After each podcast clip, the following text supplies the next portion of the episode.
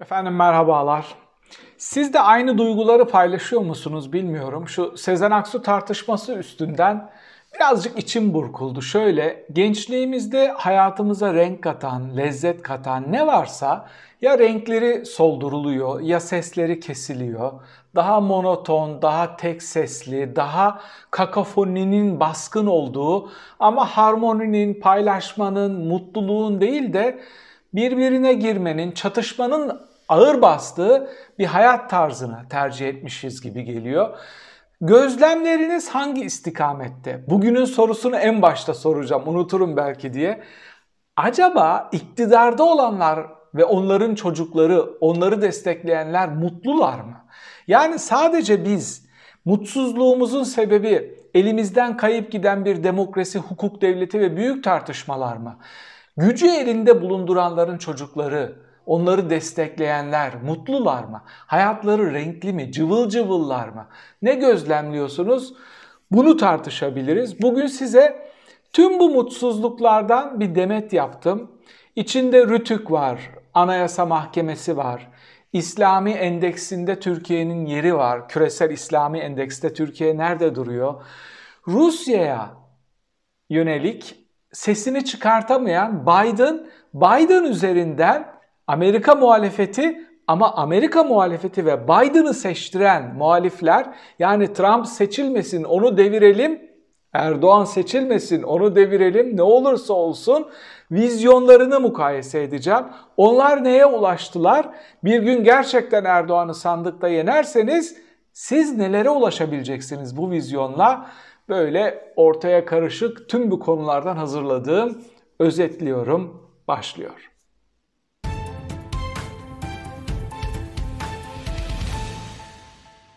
Güne Rütük Başkanı'nın AKP PR'ıyla başladık. Çok mutsuzmuş, Fox TV çok muhalifmiş, nasıl bu kadar muhalif olabilirmiş gibi bir çıkışı var.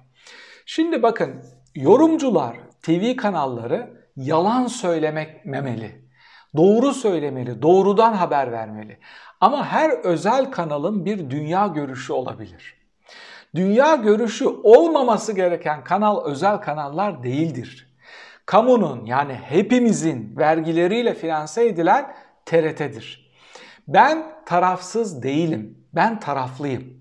Ama bu taraf bir kişinin, bir şahsın, bir partinin tarafı değil. Demokrasinin, evrensel değerlerin, seküler bir yönetim tarzının, efendime söyleyeyim belki dindarların hakkının korunmasının, laiklerin hakkının korunmasının yani hakların korunmasının tarafındayım. Ama ama benim bir görüşüm var. Ben muhalifim ve iktidara kim gelirse gelsin ben muhalif kalacağım. Yani bir yorumcunun, bir televizyon kanalının iktidarı desteklemek gibi ya da muhalefeti bırakmak gibi bir yükümlülüğü yoktur. Ve bunu hangi rütük söylüyor? Bütün televizyon kanallarının, radyoların, gazetelerin satın alındığı, tek bir ağızdan iktidar destekçiliğinin yapıldığı, ekranlarda muhalif seslerin kara listeye alınıp çıkartılmadığı bir ülkede sadece bir kanal birazcık muhalif yorumlar yapıyor diye Rütük ona müdahale etme gereği duydu. Neden bunu yapıyor hiç düşündünüz mü? Hiç şöyle düşünmediniz mi? Doğan grubunu en son satın aldılar. Parasını kamu bankasından ödediler, kamu bankasına borçlarını ödemiyorlar. Görünürde o kanalın sahibi Demirören, parayı veren Demirören değil, yöneten Demirören değil. Yani iktidar satın alınmadık, ele geçirilmedik bir organ bırakmadı. Elinde koskocaman yüzlerce borazan var ama bir tane oradan muhalif sesi de susturmaya çalışıyor. Neden diye sordunuz mu kendinize? İşte bu yayının başında bahsettiğim tek renklilik o kadar sıkıcı ki, o kadar boğucu ki, o kadar tek ses, o kadar tek manşet, o kadar tek yürek, tek millet, tek lider ki bu da Hitler'den çalınma bir slogandır. Tüm bu tek renklilik içinde insanlar alternatif ne bulurlarsa oradan bilgi edinmeye ya da onu duymaya çalışıyorlar. İşte her tarafı tek renkli yaptığınız için o dışarıda kalan bir tane ses onun sesi o kadar güçlü ya da o kadar farklı çıkıyor ki elinizdeki tüm kocaman enstrümanlara rağmen ondan korkuyorsunuz, çekiniyorsunuz. Bir başka sebep. Ucu ucuna giden bir yarış olacak öyle gözüküyor ve en ufak bir şeyi gözden kaçırmak istemiyorlar. Devletin tüm organları sarayın, AKP'nin ve Erdoğan'ın PR şirketi gibi çalışıyor. TÜİK de öyle çalışıyor, Merkez Bankası da öyle çalışıyor, hazine de öyle çalışıyor. Bağımsız olması gereken yani hepimizin vergileriyle finanse edilip hepimize eşit mesafede durması gereken tüm bu kurumlar sarayın PR şirketi gibi çalıştığı için Rütük de bu PR şirketinden e, payını almak istiyor ya da oradaki görevini diğerlerinden çok daha güçlü bir şekilde ifa ederek yoluna devam etmek istiyor. Kamunun tüm organları partili cumhurbaşkanının emrindeki enstrümanlara dönüşmüştür. Rütük de bunun için hiç sıkılmadan, utanmadan bir televizyon kanalına sen nasıl olur da bu kadar bir muhalefet partisi gibi muhalif olursun sorusunu sorma cüretini kendinde görüyor ama dönüp kamu kanallarına şunu diyemiyor. Siz nasıl olur da muhalefetin sesini bu kadar kısar, muhalif akademisyenlerin, gazetecilerin, uzmanların bu kapıdan girmesine izin vermezsiniz. Halkın haber alma, doğruya ulaşma özgürlüğünü kısıtlarsınız. Bu zeka değil mi? Bu kafa değil mi? Dolar 10 TL olacak diyen akademisyenleri, uzmanları yargılayıp doları 13 TL'ye indirdik diyen Erdoğan'ı alkışlayan zekadan çok fazla şey beklemememiz gerekiyor. Zira bu zeka yargı bağımsızlığı için bir hamle daha yaptı. AKP'den milletvekili adayı olmuş, partide görev almış, Çorum Barosu'nda görev yapan bir avukatı Anayasa Mahkemesi'ne daimi üye olarak atadı. Bakın bu makamlar çok önemli makamlardı. Gerçekten buraya uluslararası yayınları olan birkaç dil bilen profesörler gelebiliyordu. Artık buraya gelebilmek için sahip olmanız gereken şey sadakat. Saraya ve Erdoğan'a sadıksanız Anayasa Mahkemesi daimi üyesi olabiliyorsunuz.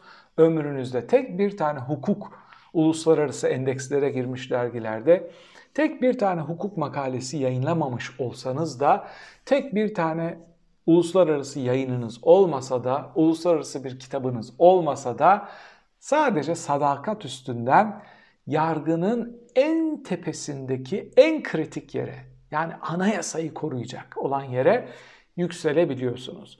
Bu çok can sıkıcı bir fotoğraf. Şüphesiz askeri vesayetin olduğu dönemde de o rejime sadakat gösterenler oraya gelebiliyordu ama daha çaplı insanlar oraya gelebiliyordu. Ve Şüphesiz o zaman da taraflı insanlar oralara geliyordu ama sizin iddianız şuydu. Biz demokrasiyi getireceğiz. Özgürlükleri getireceğiz. Öyle bir ülke yapacağız ki oradaki laikler de mutlu olacak, dindarlar da mutlu olacak.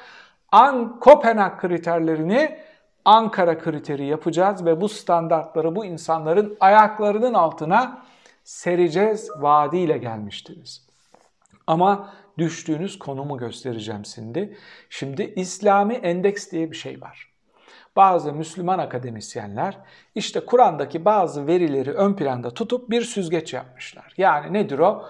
İşte yolsuzluk, rüşvet, adalet, gelir dağılımı, hukukun özgürlüğü, medyanın özgürlüğü, bağımsız yargı gibi böyle bir liste var. Yani Kur'an'daki bazı değerlere göre İslami bir endeks yapmışlar ve her sene bu İslami endekse göre hangi ülkeler Kur'an'ın içindeki değerlere daha yakındır diye bir liste yayınlıyorlar. Şimdi bakın benim buradaki iddiam bu değil. Akademisyenlerin iddiası da şu değil. Şeriat devleti değil. Hemen bunlar o öyle bir liste değil. Tamam mı? Bunu anlamayın. Şeriat dediğiniz şey İslam fıkıhının yorumlanarak işte bir hukuk şeyi oradan çıkartılabilir mi? Bu başka bir şey. Kur'an'daki hani evrensel değerler diyoruz ya. Kur'ani değerlere göre en İslami devlet hangisidir veya en İslami rejim hangisidir diye bir endeks yapmışlar. Şimdi tabi buraya sırf Müslüman ülkeleri sokmuyorlar. Tüm ülkeleri bunun içine sokmuşlar. Bir numarada çıkan Yeni Zelanda. İkide çıkan İsveç. Üç Hollanda. Dokuzuncu sıra Kanada. Almanya 11. sırada. Ve bu listeye girebilen İsrail 42. sırada. Enteresan bir veri değil mi? Yani gülümseyerek aktarıyorum. E, Müslümanların taşladığı, düşman olarak gördüğü İsrail ilk 50'ye giriyor. İlk 50'ye girebilen Müslüman ülke benim gördüğüm kadarıyla yok. Peki Suudi Arabistan nerede? 93. sırada. Türkiye 100 numara. Türkiye 100 numara olmuş ve İslami endekste 100. E, sırada kendine yer bulabilmiş. Yani Hani o naslar üstünden, din üstünden söylem yapan e, İslamcıların İslami endekse göre, bunu Müslüman akademisyenlerin yaptığı İslami endekse göre yer aldıkları İslamilik endeksinde yani bu saydığımız değerlere göre gelebildikleri yer 100. sıra. Zaten işte dünyada kaç tane ülke var değil mi? E, diplere çakılmış durumdalar. Buradan çıkartacağımız sonuç şu. Ee, gerçekten şunu söyleyenler kısmen haklı. Bunlar İslamcı değil diyorlar ya. Kısmen haklılar. Bunlar oportunist ve çıkarcı. Önceliği güce inanmak, gücü öncelemek, iktidarı öncelemek, kul hakkı, efendime söyleyeyim işte yolsuzluk, özgürlük, bağımsızlık gibi şeyler bunların kitabında yazmıyor.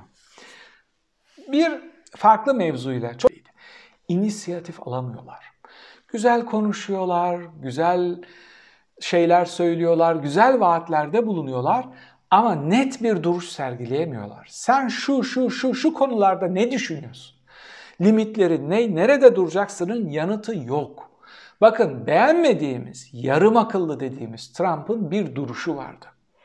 Ve Amerika'dakiler ne yaptılar? Devlet elden gidiyor diye Trump'ı devirmek için bulabildikleri ilk adaya sarıldılar ve Biden'la oradan çıktılar. Oradan çıktılar ama devleti sadece kurtarmış oldular. Şimdi bakıyorsunuz şeyin Biden'ın destek görev destek şeyleri %30'lara kadar indi. %30 küsürlere. Çakıldı yerlerde sürünüyor. Yani bunu niçin anlatıyorum? Sadece bir yarım akıllıyı, bir despotu devirmek için bir adayı ortaya koyarsanız onu devirdikten sonra kitlenin gözü o despotu arar konuma gelebilir. Muhalefet dersini çok iyi çalışmalı. Sadece seçim endeksli bir vizyonla ortaya çıkmamalı. Seçim endeksli bir vizyonla o korkuyla aman Trump'ı devirelim korkusuyla ortaya çıkan Amerika muhalefeti ortaya güçlü bir lider koyamadığı için bugün hala Trump geri gelir mi korkusuyla yaşıyorlar. Trump geri gelir mi korkusuyla yaşayanlar yarın Türkiye'de AKP ya da ortaya çıkartacağı bir aday geri gelir mi korkusuyla yaşayacaksınız. Çünkü gittiğiniz yer vizyonsuz, çerçevesi çizilmemiş ve maalesef ağırlıklı olarak seçim endeksli olarak hareket eden bir istikamette yol alıyorsunuz. Bu herkes kadar beni de ürpertiyor. Bir sonraki videoda efendim tekrar birlikte olmak üzere. Hoşçakalın.